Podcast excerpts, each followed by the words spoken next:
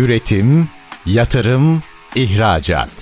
Üreten Türkiye'nin radyosu Endüstri Radyo sizin bulunduğunuz her yerde. Endüstri Radyo'yu arabada, bilgisayarda ve cep telefonunuzdan her yerde dinleyebilirsiniz. Endüstri Radyo.com Çetin Ünsal'ın hazırlayıp sunduğu Reel Piyasalar programı başlıyor.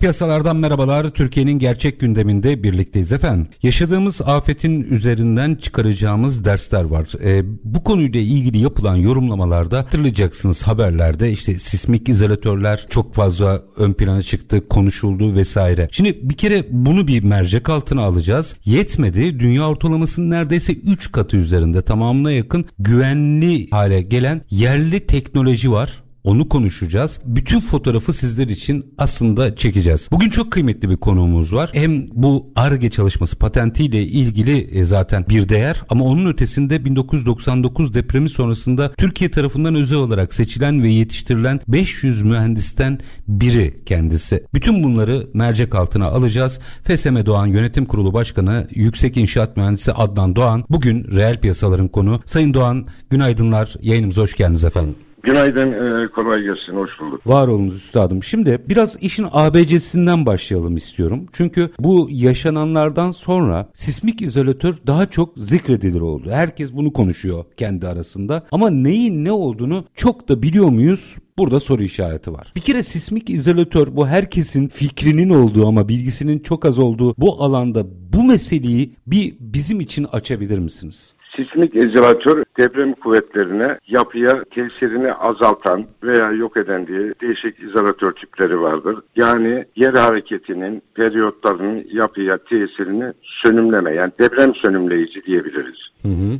Bu ağırlıklı olarak aslında bütün binalarda uygulanması gereken bir sistem anladığım kadarıyla. Kesinlikle uygulanması lazım. Çünkü e, yapıyı biz çelik konstrüksiyon olarak veya da ülkemizde yaygın olan betonarme olarak tasarlarız. Deprem olduğu zaman da yapılar deprem enerjisini betonarme hasar görerek sönümler. Yani buradaki amaç şudur. Bina hasar görsün ama yıkılmasın. insanlar canlı çıkabilsin. Yani enerjiyi yapı hasar görerek sönümler. İnşaat mühendisleri de bunu tasarlarken bunun amaç yapının göçmesi etmemesi. Hı hı. İzolatörler ise bu hasarı da oluşturmaması. Yani yapı daha az hasarla atlatması veya da hiç hasar görmemesi. Bunun için de izolatörlerin yüksek sönümleme oranı olmalı ki yapı hiç hasar görmesin, insanlar yaşamasına, gündelik hayatına yapının içinde devam edebilsin. Bu da sönümleme oranına bağlı izolatörlerin ve bütün yapılarda da kullanılması gerekir. Şimdi çok kritik bir şeyden bahsediyorsunuz. Biz yapı ayakta kalsına razıyken siz Hayır yapının zarar görmemesini de temin etmek lazım ve bu teknolojiyle bu mümkün diyorsunuz. Doğru anladım değil mi? Kesinlikle. Deprem Fatih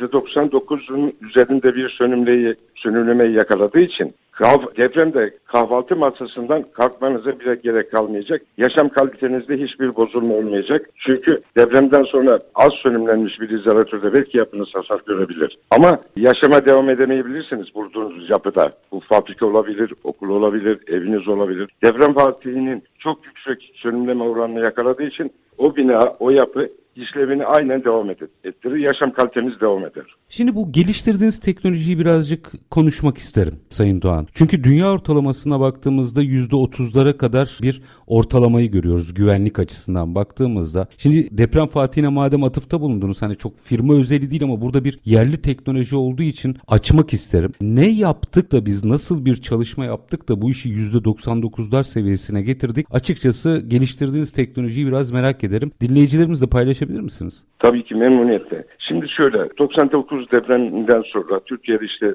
siz de söylediniz 500 mühendise bir yetki verildi. Tabii kursa tabi tutuldu, sınavlara tabi tutuldu ve bu mühendislerden bir tanesiyim. Biz güçlendirme projeleri, bina performans analizleri için yetkilendirildik. Şimdi biz bunları yaparken tabii ben betonarme hasar görerek binadaki yıkılmadan depremi sönümlüyordu. Ben bundan nasıl kurtulabiliriz diye bir çalışmaya başladım. Hı. Ve diğer izolatörlerden o zaman e, haberim yoktu benim. Bilmiyordum işin doğrusu. Diğer izolatörler sürtünme esaslı çalışırlar. Deprem Fatih ise sürtünmesiz çalışır. Yani deprem kuvvetlerinin tamamına yakını bypass eder. Yani yapıya hiçbir rezonans, hiçbir titreşim vermez. Bunu yüzde birin altına düşürür. Sönümlemesi yüzde 99 oluyor yani. Uzun üstünde evet. Yüzde 99'un üzerinde. Yani yapıya şimdi şöyle söyleyeyim. Yapıya bir ilahi kuvvet gelip bir şey vurmaz. Yapı kendi ağırlığı kadar, bunun işte yarısı kadar kendisine vurur. Yapı tabii ne kadar ağırsa o kadar ağır yük vurur. Deprem Fatih ise 100 kilo yapıya bir yük vuruyorsa yani yapıya 100 kiloluk bir kuvvet etki ediyorsa bunu bir kilonun altına düşürür.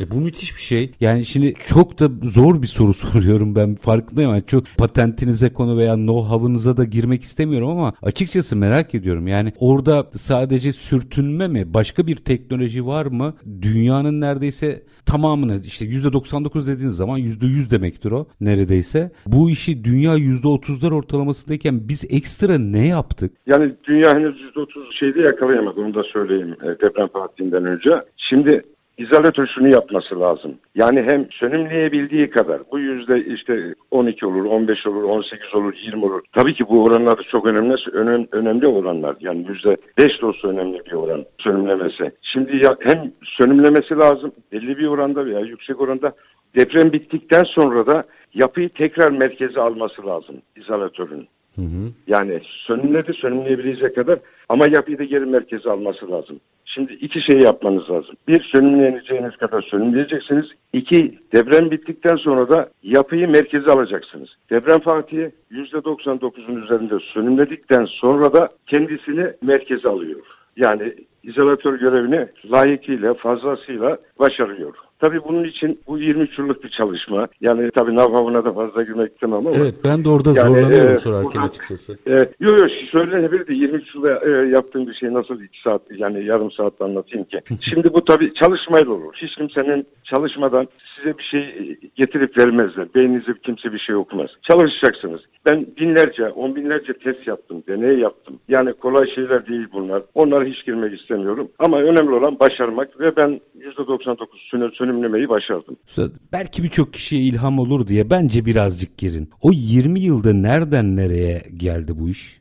Şimdi tabii önce bir kere hayal kurmanız lazım. Zaten bilimin e, temeli başlangıcı hayaldir. Yani bir sorun yaratacaksınız insanları ilgilendiren bir sorun, sorun icat edeceksiniz önce. Diyeceksiniz ki insanlık için işte kanser bir sorundur. İnsanlık için ne bileyim düşünmemek bir sorundur. İnsanlık için deprem bir sorundur. Ben depremi bir kere sorun olarak icat ettim. Yani onu hayalledim. Ha bu sorundan nasıl kurtulabiliriz? Tabii bunu kurtulabilmek için bir hastalığı tedavi edebilmeniz için tanıyı iyi koymanız lazım. Tanıyı koymadan tedavi edemezsiniz. Bunun için de depremi öğrenmek lazım. Depremin nasıl hareket ettiğini, yapıya nasıl tesir ettiğini, yapıya nasıl bir neye maruz bıraktığını, yani yapı ne yapıyor da yıkılıyor. Bunu görmek lazım. Bunun için depremi öğrenmek lazım. Biz inşaat mühendisleri depremi fazla bilmeyiz. Fazla değil hiç bilmeyiz. Sadece belli bir parametreler, doneler verirler, verirler. Biz onu statik hesabımıza koyarız ve statik hesabımızı şekillendiririz. Yani projeyi tasarlarız. E şimdi bir de çok önemli bir şey söylemek istiyorum. Lütfen. Statik hesaplar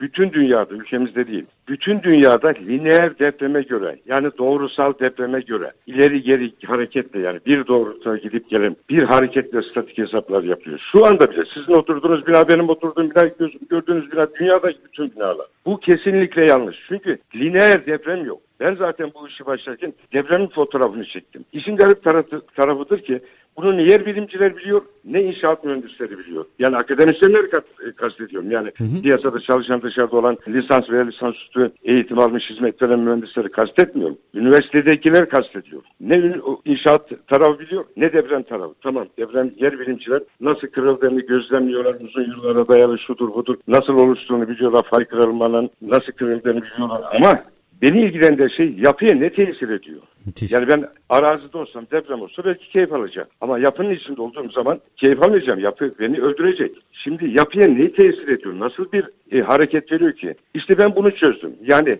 yerin nasıl hareket ettiğini çözdüm.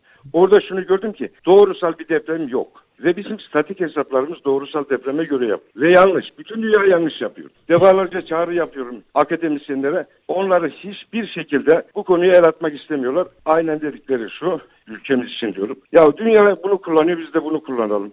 İyi, dünya yanlış yapıyor. Üstad. Koyun sürümsüymüş ki öndeki koyunu uçurumdan atladığı zaman atlayalım. Üstad çok kritik bir şey söylüyorsunuz. Bunun devamını biraz getirmek istiyorum. Yarım kalsın da istemiyorum. Minik bir araya gideceğim geleceğim. Aranın ardından bence ezberi bozduğunuz nokta bu. Orayı birazcık açmanızı rica edeceğim. Dünya bunu yapıyor biz de bunu yapalım aslında çok düz bir mantık. Siz orayı bozmuşsunuz. Bunu birazcık daha detaylı almak isterim ama bir araya gidip gelelim. Çünkü o anlatımınızın yarım kalmasını temenni etmem. Bir minik araya gidelim efendim. FSM Doğan Yönetim Kurulu Başkanı Yüksek İnşaat Mühendisi Adnan Doğan konuğumuz reel piyasalarda. Yerli sismik izolatörün aslında hikayesini bakın buluş noktasını, bakış açısının nerede değiştiğini alıyoruz. Sayın Doğan dedi ki dünyada meseleye yanlış yaklaşılıyor. Bunu biraz açacağız. Kısa bir ara lütfen bizden ayrılmayın.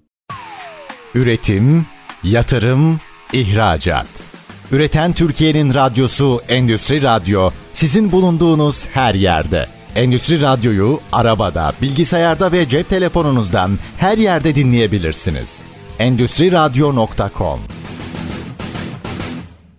Kısa bir aranın ardından reel piyasalarda tekrar sizlerle birlikteyiz efendim. Sismik izolatör e, teknolojisini konuşuyoruz. Hatta burada Türkiye'de geliştirilen bir teknolojinin %99'a kadar çıkan güvenliğinden bahsediyoruz. Konuğumuz FSM Doğan Yönetim Kurulu Başkanı Yüksek İnşaat Mühendisi Adnan Doğan. Şimdi Sayın Doğan araya gitmeden önce çok çarpıcı bir şey söylediniz. Hani ezber nerede bozuluyor? Meseleye sadece bizde değil bütün dünyada yanlış yaklaşılıyor bakış açısında. Akademisyenlere de sorulduğunda ya bütün dünya bunu kullanıyor diyerek işin içinden çıkıldığını ifade ediyorsunuz. Ne olur biraz açın. O süreci yine konuşmaya devam edelim. Siz bunu anlatmaya başladınız anladığım kadarıyla. Sonrasında ne oldu? Peki Sayın Ünsal'ın olay şu. Lineer depreme göre yapılan bu hesapları bizim ülkemizde ya göremediler, gören insanlar da dinlemiyorlar. Bunun için de çok basit bir yol var. Herhangi bir depremi veya bir tanesine güvenmezseniz ben 157 tane depremi e, tek tek e, koordinatlarını yani yer hareketlerini, hızlarını, deplasmanlarını aldım. Yani bir deprem dediğinizde 20 binle 40 bin bir depremde. Ben 157 tane deprem inceledim. Bundan birkaç tane deprem alıp inceleyecekler. Lineer deprem olmadığına bir kere kanaat getirecekler. Yani ben söyledim yalan da söylüyor olabilirim. Bu kadar basit. Alacaksınız birkaç depremi incelediğiniz zaman zaten bunu görürsünüz. Lineer deprem olmadığını gördüğünüz zaman da zaten çözüm çok basit. Ben bunu yaptım. Bu yapılan hatayı bizim şu andaki yaptığımız bütün statik hesaplar yanlış. Ne yaparsanız yapın. Lineer hareketteki bir yapı. Benim deprem deney masam var iki boyutlu. Şimdi bu deprem deney masasında siz masanın üzerine çıkın. Lineer hareket yani ileri geri veya da sağa sola bir yönde hareket ettirdiğiniz zaman ayakta kalabiliyorsunuz. Gerçek depremse elipsiyal yani bir yıldız çizer gibi hareket ediyor. Deplasman yapıyor. Elipsiyal bir dairesel bir hareket yapıyor. Tabi kesin döngülerle döngüyü sağlıyor. O harekete geçtiğiniz zaman o deney masasının üstüne ayakta kalamıyorsunuz. Yapı da böyle. Yani yapıyı merkez kaş kuvvetine maruz bırakıyor. Deprem ve yapıyı burkup yıkıyor. Yani biz statik hesaba almadığımız burkulma hesaplarını tam olarak almıyorlar. Çünkü o hareketi görmediğiniz zaman onu alamazsınız. Ve bu burkulmada da tabii yapının e, ağırlık merkeziyle rigidlik merkezinde çakışması, örtüşmesi çok çok önemli. Bütün bizim yıkılan yapılarımızın çoğunluğu da bundan kaynaklanıyor. İşte o kadar büyük bir ezber bozuyorsunuz ki ve tamamıyla alışkanlıktan böyle çok basit yanlış da ifade edebiliyorum. Yani ben işin uzmanı değilim. O yüzden sorayım siz doğrusunu yanlışını bana anlatın. Birçok depremde insanların yüksek dozlu depremlerden bahsediyorum. Ayakta duramadığını görüyoruz. Bu söylediğiniz yıldız hareketinden mi kaynaklanıyor aslında? Kesinlikle. Kesinlikle. Merkez kaç kuvvetine maruz kalıyorsunuz siz. Eğer lineer deprem olsaydı binanın içinde yürüyebilir, yürürdünüz deprem anında. Kaçmaya çalışıyorsunuz, yerinizden oynayamıyorsunuz. Niye? Hı hı. Merkez kaç kuvvetine maruz bırakıyor. İnsan merkez kaç kuvvetine göre kendini alıştırmamış.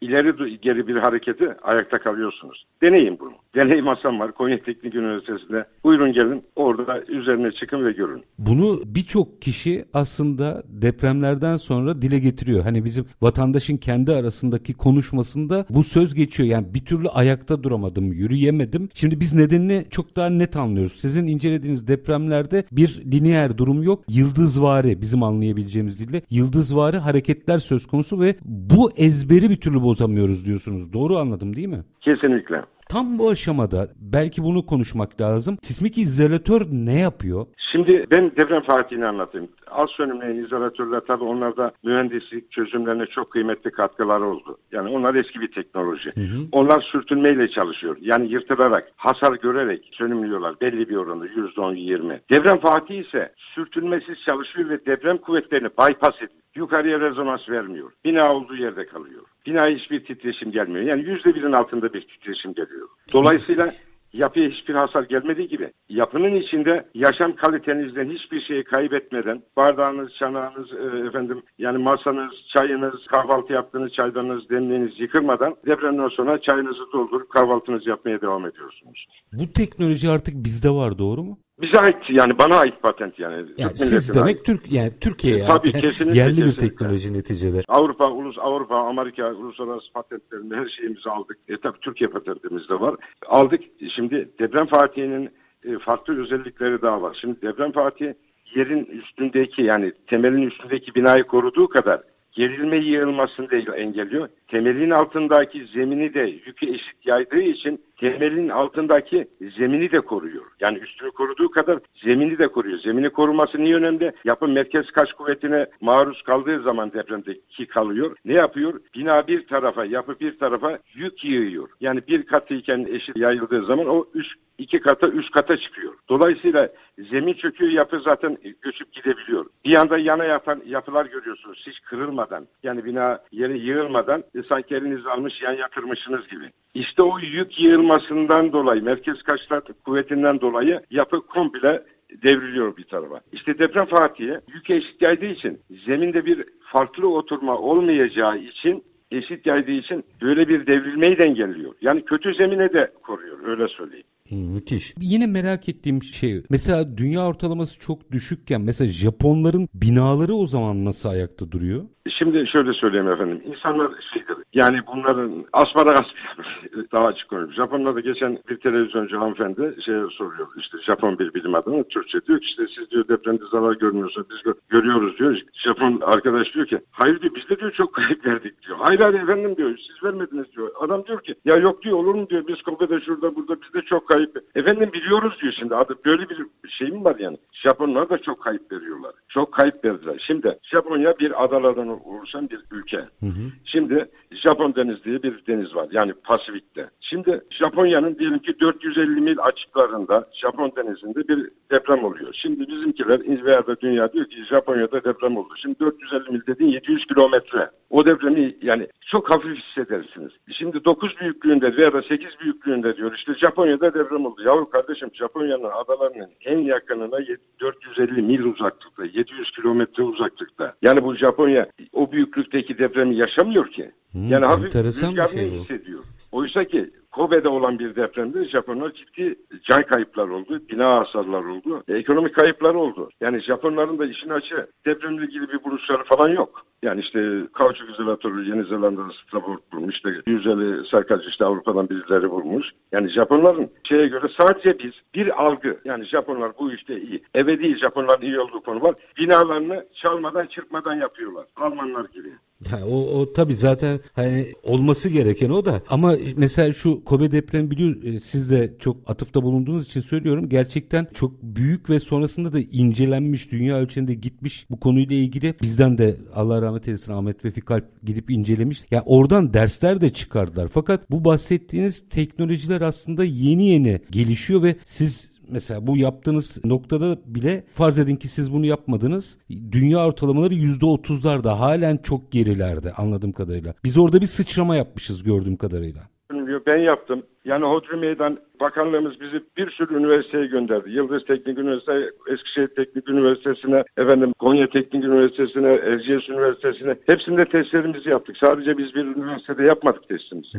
Birçok üniversitede yaptık. Yani en iyisini yaptım. Şimdi deprem Fatih'i diğer izolatörlerden şöyle farkları da var. Yani sönümlem oranıyla ayrı bir muhteşem bir farkı var. Onlar 8-9 katlı yapıdan fazlasını yapılamıyor. Deprem Fatih'inde kat sınırlaması yok. 100 katlı 200 katlı binayı da koyabiliyorsunuz. Ha, onu da soracaktım ben e, incelerken gezerken onu da gördüm. Kat sınırı yok neredeyse. O... Yok yok yani bir inşaat mühendisi meslektaşım 200 katlı binayı taşıyabiliyorsa biz bunu en az 5 katı emniyetle taşıyoruz deprem Fatih'i. Niye 5 katı diyorum ben? Çünkü deprem Fatih'i biz binanın taşıma kapasitesinin %85 yük yükleriz. Yani %15'lik emniyet tarafında kalırız. Yapısal imalat hatalarından dolayı. Deprem Fatih'inin taşıma kapasitesi %20'sinden az yük yüklüyorum da o yüzden 5 katı diyorum. Ben diyorum ki yapı yorulsun, eskisin ama şey deprem Fatih hala hayatta kalsın. Şimdi o Ömrü zaman bizim, bizim binaları tekrar oluştururken en azından bu teknolojiyi bir e, göz gezdirmemiz gerekiyor. Dünyadan ve Türkiye'den bu konuyla ilgili siz e, bu patenti alıp uygulama da yapıyorsunuz zaten de. Onun dışında ya bir dakika burada bir teknoloji var diye gelen oldu mu? Madem bütün dünyada ezber sıkıntısı var. Herkes ezberle hareket etmiş. Bir, böyle bir teknoloji var diye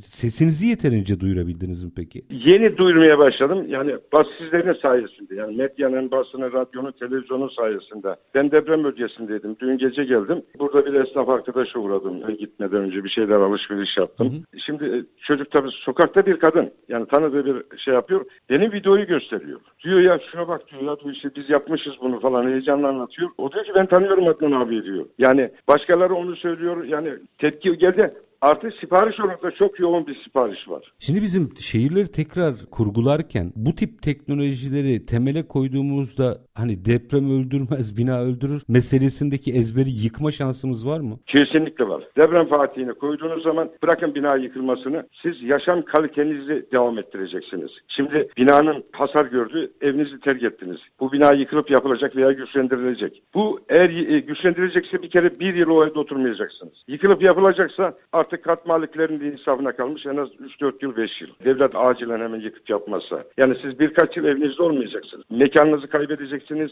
Bulunduğunuz muhitten uzaklaşacaksınız. İş yerinizden uzaklaşacaksınız. Alışkanlıklarınızdan uzaklaşacaksınız. Deprem fatihinde binanın dışına depremde dışarı çıkmayacaksınız ki dışarıdaysınız güvenlik için de, deprem fatihliği binaya kaçacaksınız. Yaşam şimdi, kaliteniz devam edecek. Şimdi e, bunu birazcık daha konuşmak aslında ezberi bozmak istiyorum. Çünkü madem şehirlerimize en azından şu anda 11 ilimizden başlayarak yeniden kurgulayacağız. Maalesef çok ağır zayiat ama bu şehirlerin yeniden kurgulanması gerekiyor. Mesela deprem bölgesinden geldiniz. Eğer bu sistem olsaydı o binaların çoğu ayakta kalabilir miydi? Şimdi şöyle. Şey, hırsızlık başka bir şey. Normal binalardan bahsediyorum. Yani evet. malzemeden çaldıysa siz üstüne altın döşeyin bir şey fark etmiyor. Yok bina şöyle söyleyeyim. Eğer bina ayakta kalıyorsa malzemeden, malzemeden çalmış olsa bile yani imalat hatası olsa bile bina ayakta kalıyorsa deprem fatihi olmuş olsaydı hiçbir bina yıkılmazdı. Şöyle bir şey var. Zeminde sıvılaşma dediğimiz bir hadise var bizim. Alüvyon yani kötü zeminlerde Hı-hı. sıvılaşma dediğimiz. O binayı zımbalayıp işte yerin altına batırmadıysa yana devirmez binayı. O da binde biri olacak bir hadise. Öyle bir zemine denk gelmese. Onun haricinde o binaların tamamı ayakta olacaktı. Bence, tamamı. Bence manşeti attınız. Minik bir araya gideyim. Aranın ardından yine konuşmaya devam edeceğiz. FSM Doğan Yönetim Kurulu Başkanı Yüksek İnşaat Mühendisi Adnan Doğan bugün reel piyasaların konu. Yerli sismik izolatörü konuşuyoruz. Kısa bir ara. Aranın ardından reel piyasalar devam edecek. Lütfen bizden ayrılmayın. Üretim, yatırım, ihracat. Üreten Türkiye'nin radyosu Endüstri Radyo sizin bulunduğunuz her yerde. Endüstri Radyo'yu arabada, bilgisayarda ve cep telefonunuzdan her yerde dinleyebilirsiniz. Endüstri Radyo.com Kısa bir aranın ardından reel piyasalarda yerli sismik izolatör ve teknolojisini konuşmaya devam ediyoruz. Konuğumuz FSM Doğan Yönetim Kurulu Başkanı Yüksek İnşaat Mühendisi Adnan Doğan. Bugün bizlerle birlikte. Araya gitmeden önce Sayın Doğan çok net çarpıcı bir şey söyledi. İhtimal oranı binde bir olmak kaydıyla. İşte yeraltı yani alüvyon tabakadan kaynaklanan bir şey olmazsa ki o binde birdir. Şu andaki binaların bile çoğu ayakta kalırdı dedi. Sayın Doğan tam da buradan devam edelim mi? O zaman bizim bundan sonra ne yapmamız gerekiyor? Sayın Ünsal'ın binaların tamamı ayakta kalırdı. Çoğu değil. Tamamı. Sıvılaşma o ayrı bir şey. Yani hiç yapmamanız gereken bir zemine inşaat yapıyorsunuz. Toptan geçme de olabilir. Yani bir mahalleyi düşünün bir yamaçta. Orada kaygan bir zemin vardır. Bir mahalleyi alıp götürür. Deprem Fatih'in bunu yapacağı bir şey yok. Sıvılaşmada yine deprem Fatih temelin zemini koruduğu için sıvılaşmada da ayakta kalabilir. Binaların çok büyük bir oran yani tamamına yakın ayakta kalırdı. Buyurun sorunuzu tekrar alayım. Bu kadar net yani aslında söylediğiniz şey. Kesinlikle, kesinlikle. O zaman Çünkü deneylerini saatten... yaptık. Bilimsel bir iddianın nihai ispatı deneydir. Yani Amerikalı hangi formülü yaparsa yapsın, Japon ne derse desin, Yeni Zelandalı ne yaparsa yapsın, Fransız ne yaparsa yapsın, Almanya'nın bilmem teknolojide ne kadar ileri olursa olsun bir şeyi, yeni bir şeyi iddia ediyorsanız deney yapacaksınız. Yani Hodri Meydan, Halep oradaysa arşım burada. Ben yüzlerce, binlerce deney yaptım deney yaparaktan deprem fatih görülebilir. Sayın Doğan zaten başka türlü teknolojik gelişme olmaz ki ya onlar e, geliştirsin de bizde var. Bizde bir şey yapıldığı iddia ediliyorsa buna bakmak lazım. Bence diye bir yanıtı olmaz bunun. Dediğiniz gibi bu teknik deneylerle kanıtlanır. Yoksa hani öbürü ezbercilik olur. Dünya yapmıştır biz ondan daha iyisini yapamayız gibi bir bakış açısı başka bir problem zaten bence. Kurtlaşma denir Türk dilinde. Yani, yani dünyayı hiç, takip etmek. Asla kabullenebileceğim bir şey değil. Yani biri yaptıysa biri de başkasını daha iyi yapabilir. Yeter ki bilimsel olarak netleştirilsin. Siz diyorsunuz ki buyurun deneylere. Kesinlikle. Ben geliştirdiğim teknolojiden eminim. Bence çok açık bir nokta bu. Eğer bunu biz Türkiye'de yapmazsak yakında zaten dünyadan gelirler size ona eminim. Şimdi burada merak ettiğim bir şey var. Çünkü bu bir bakış açısı. Elbette sizin sorgulayıcı kişiliğinizin de bunda çok faydası vardır ama şu 99 sonrası o 500 müteahhit mes- çok özür diliyorum. 500 mühendis meselesine bir gitmek istiyorum. Çünkü bu da bir model olabilir birçok konu açısından Türkiye'de. Ne oldu o 99'dan sonra o 500 kişi nasıl seçildi? O süreci biraz anlatabilir misiniz bize? Şimdi o 17 Ağustos o şanssız depreminden sonra Türkiye'de 12 yıl fiili tecrübesi olan tecrübeli yani proje yapmış, e, statik proje yapmış inşaat mühendislerini ZSN göreve çağırdılar. 34 bin üzerindeydi sanıyorum. Bunlara bir kurs verdi devlet çeşitli üniversitelerde, kurumlarda ve tamamını bir sınava tabi tuttu ve ilk 500'üne giren inşaat mühendisine de proje kontrol müşaviri diye bir unvan ve belge verdi. Bayındırlık Bakanlığı yani hı hı. şimdi Şehircilik Bakanlığı tekabül şey benzer olan işte Halef Sedef olan İmar, Bakanlığı. Ba Bayındırlık ve İmar Bakanlığı. Bakanlığı'ydı doğru. Evet. Şimdi o yetkileri bizi deprem bölgesine gönderdi. Bizim oradaki işimiz neydi? Bina hasar tespit sınıflaması yapmak. Yani az hasar, orta hasar, ağır hasar diye. Az hasar işte e, ufak tefek tadilatla binayı tekrar eski haline getiriyorsunuz. Orta hasarı güçlendiriyorsunuz, ağır hasarda yıkıyorsunuz. Bizim görevimiz buydu. Tabii bu görevi e, yaparken yapıda tabii çok hatalar görüldü orada yani e, şey yapılmayacak kadar hatalar görüldü çünkü biz projeyi de uygulamıyoruz. Tabii zaten 98 deprem yönetmeliği daha farklı bir şeydi. Önceki yapılan projeler depremde yıkılmama şansı yoktu. Yani tesadüf ayakta kaldılar, kalmışlardır. Bu depremde de 98 yönetmeliğinden önce yapılan binalar da tesadüf ayakta kalmıştır. Muhtemelen onlar yapının ağırlık merkezi ve yapının rigidlik merkezi örtüştüğü için, çakıştığı için ayakta kalmışlardır. Hatta ve hatta iddialı bir şey söyleyeyim. 99 depreminden önce yapılan statik proje yapan mühendis, müteahhit, kantiye şefi her kim varsa bina yıkıldı diye yargılanamaz. Üstüne basa basa söylüyorum. 98 deprem yönetmeliğinden önce yapılan yapıların mühendisi, müteahhiti, her kim sorumlusu yargılanamaz. Niye? Çünkü yaptığımız bilim yanlıştı.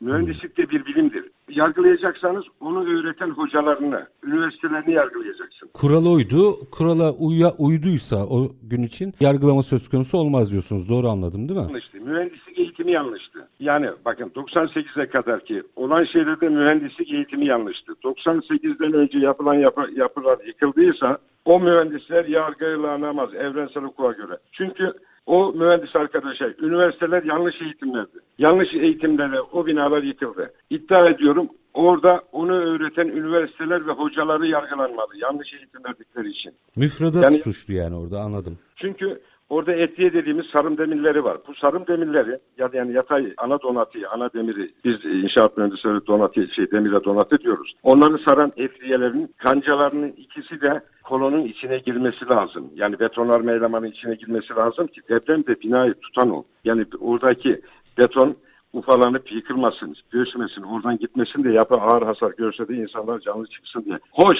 şimdi de bunu yapmıyorlar ya, yapan arkadaşlar maalesef. Bir tarafına kanca veriyor, bir tarafına gönye veriyor. Betonu atamıyoruz. Betona su katıyoruz. Betona su kattığımız zaman beton yüzde yirmi, yüzde otuz, yüzde kırk kavimet kaybediyor. Bunların ben hepsini testini yaptım. Bu düğüm noktaları yani kolonla, direkle yatay kirişlerin birleştiği noktalarda donatı çok olduğu için beton girmiyor orada. Vibratörü tutamıyorsunuz. Orada beton sıklaşması olmuyor. Yani orada tasarlanan mukavemetin veya da mikserin ağzından numune alıp da kırıyorsunuz ya. Sanki o betonla o düğüm noktasında beton aynıymış gibi. Yarı yarıya fark var. Mukavemet kaybediyor. Bunların ben biliyorum. Ben bunların bütün deneylerini yaptım. Akademisyenler de bunları yapsınlar. Öyle mikserin ağzında numune alıp onu 20 bir hafta, iki hafta, üç hafta sonra kırmak mühendislikte sahtekarlığın en büyüğüdür. Bakın üstüne basa basa söylüyorum. Sahtekarlığın en büyüğüdür. Olmaz öyle bir şey. Onu el bebek gül bebek o numuneyi götürüyorsun. Türlere yatırıyorsun, pamuklara sarıyorsun, ballarla yağlarla besliyorsun. Öbürü döktüğün betonsa cam avlusuna atılan kimsesiz çocuk gibi. Çok Bunları net. şey yapsınlar. Beton sıklaşmıyor orada. O donatıyı çözüm bulunması lazım. Ben çözerim. Birkaç günlük çalışmayla çözerim biliyorum da. Gelsinler hep beraber çalışalım. Ya niye komplekse giriyorlar ki? Üstad- Takmışlar şeyine bir profil vanlı. Gerek yok ki kardeşim. Burada- Bilimsel. Deneyle olur. Çalışmayla olur. Burada bir Sen süreç daha var. Burada bir süreç daha var. Siz şimdi hani bunları ilk defa söylüyor değilsiniz. Daha önce aslında bakanlıkla bir şekilde irtibata geçilmiş. Hatta bendeki bilgi hatalıysa lütfen düzeltin. Yine deprem öncesinde stratejik önceliğe sahip yatırım teşviki alarak Yozgat'ta fabrika kurulması için yer de tahsis edilmiş galiba. Evet, evet, Bir evet. süreç Ee, başlamış yani. Şimdi o süreci de biraz bize anlatırsanız bir kamuoyuna hani teknolojiyi anlattık sanki böyle şeyde sırça köşkte bir teknoloji anlatıyor. Hayır hayata geçmek üzere aslında Yozgat'ta tahsis edilen yer var. Bir, noktaya kadar yürüdük galiba. Ne aşamadayız? Şimdi şöyle söyleyeyim. E, Şu anda Yozgat, Boğazcan, Fuat Oktay Organize Sanayi Bölgesi'nde 50 bin metrekare arsamızı aldık. Projelerini hazırlıyoruz. Muhtemelen bir ay sonra başlayacağız ve 4, 3-4 ay sonra da 4 ay sonra da burada imalata geçeceğiz. Fakat bu deprem olunca yurt içine ve yurt dışına çok talep olunca biz 3 tane partner fabrika bulduk. Gebze, Konya ve Kayseri'de. Şu anda Bir hafta sonra burada? biz imalata geçiyoruz. Yani şu anda üretim yapabiliyoruz. Gebze, Yani Konya ve Kayseri dediniz değil mi? Alandayım. Sanayinin içindeyim. Şu anda imalat yapabiliyoruz. Gebze, Konya ve Kayseri'de dediniz değil mi? Evet efendim. Yanlış anlamadım. Aynen öyle. Yani aslında biz artık bu teknolojinin endüstriyel hale geldiği noktadayız. Yanlış anlamadım değil mi? Kesinlikle. Yani Şu anda biz üretim yapabiliyoruz. Heh, şimdi bu çok kıymetli bir şey. Yani iş raftaki bir teknoloji olmaktan çıkmış. Bugün karar verirsek ki siz vermişsiniz anladığım kadarıyla 3 yerde üretmeye başlayacaksınız Yozgat'tan önce. Bunu bir kere sahaya sürebiliyoruz. Peki Kesinlikle. ama Şu sahaya... anda siz bir it. İnşaat sahibisiniz. Geldiniz dediniz ki bana işte 50 tane izolatör lazım, deprem fatihi lazım. Biz size 20 gün sonra teslim edebiliyoruz. Üstad şimdi bu güzel bir şey ama biz reklam arasında sevgili İsa ile biraz sohbetinizi yaparken tam da onu konuştuk. Şimdi bu çok inisiyatife bırakılmaması gereken bir şey. Belki hani nasıl temel atarken belli standartlar vardır. Olmazsa olmazlar. Bunu mevzuata koymak gerekmiyor mu? Efendim Çevre Şehircilik Bakanlığımız Murat Kurum Bey bu konuyla yakinen ilgileniyor. Hatta hatta şöyle bir şey yaptı. Tabii çok iyi bir çalışmaydı o çalışma. Onu ben biliyordum ama bir de resmi, resmiyete dökülmüş oldu. Şimdi deprem fatihini koyduğunuz zaman %30-40 binada tasar, betonarmede tasarruf oluyor. Deprem kuvvetlerini enteresan. bypass ediyorsunuz ya. Yani binada deprem fatihi neredeyse kendisinin %60'ını 70'ini amorti ediyor. Yani şey inşaat maliyetini de azaltıyor. Yaptırdı ve mecburu koyabileceğini de düşünüyorum ben. Tabii devletimizin, bakanlarımızın takdiri bunlar. O ayrı. Biz işin ilkesini konuşuyoruz. Çünkü hani bu şimdi yanlış anlaşılmasın. Rü- Rütük de yanlış anlamasın ne olur. Bu bir herhangi bir ürün, herhangi bir firma meselesi değil. Yani bir kamu işi haline dönmüş vaziyette anladığım kadarıyla ve siz diyorsunuz ki bu işi oturtursak bizim deprem korkumuz biter. Doğru mu anlıyorum? Kesinlikle efendim. Kesinlikle. Ya bundan çok daha net bir iddia olamaz. Göz ardı edilemeyecek bir iddiadan bahsediyorsunuz. Deneylerimiz ortada. Deneylerimiz ortada. Ve yine gördüğüm kadarıyla iş sadece konutlardan falan ibaret değil. Viyadükler var. Bugün deprem Ha, o, onları viyadük- kastedeceğim. Mesela dinlemedik. yollar da çok konuşuldu. Viyadükler, köprüler hepsinde kullanılabiliyor sistem anladığım kadarıyla. Ve nükleer santraller en önemlisi- önemlisi. Nükleer santrallerde yüzde yüz sönümlüyoruz. Nükleer santrallerde yüzde yüz sönümlüyoruz. Üstad bir iki dakikam var. Bize ne olur bundan sonrası için mesela bu teknolojiyi daha ne, hangi noktaya kadar götürebilirsiniz? Neler çalışıyorsunuz? Yine söylüyorum patente konular elbette size kalsın. Oralara girmek istemem ama bu işin yolculuğunun sonrasında merak ederim. İki dakikada da olsa bize bir özetleyebilirseniz öyle veda edeyim size. Şimdi ben e, yüzde 99'un üstünü yakaladım. Tabii yüzde yüze bu yaklaşacaktır. Çünkü bu ARGE ile çalışmayla bir kere ürün kendini gelişecektir. İşte Amerika Birleşik Devletleri bana patent verirken bir taahhütname aldı dedi ki bu Suriye'nin üzerine koyduğun zaman dedi Amerika'da dedi üzerine koyduğun şeyde yapacaksın dedi.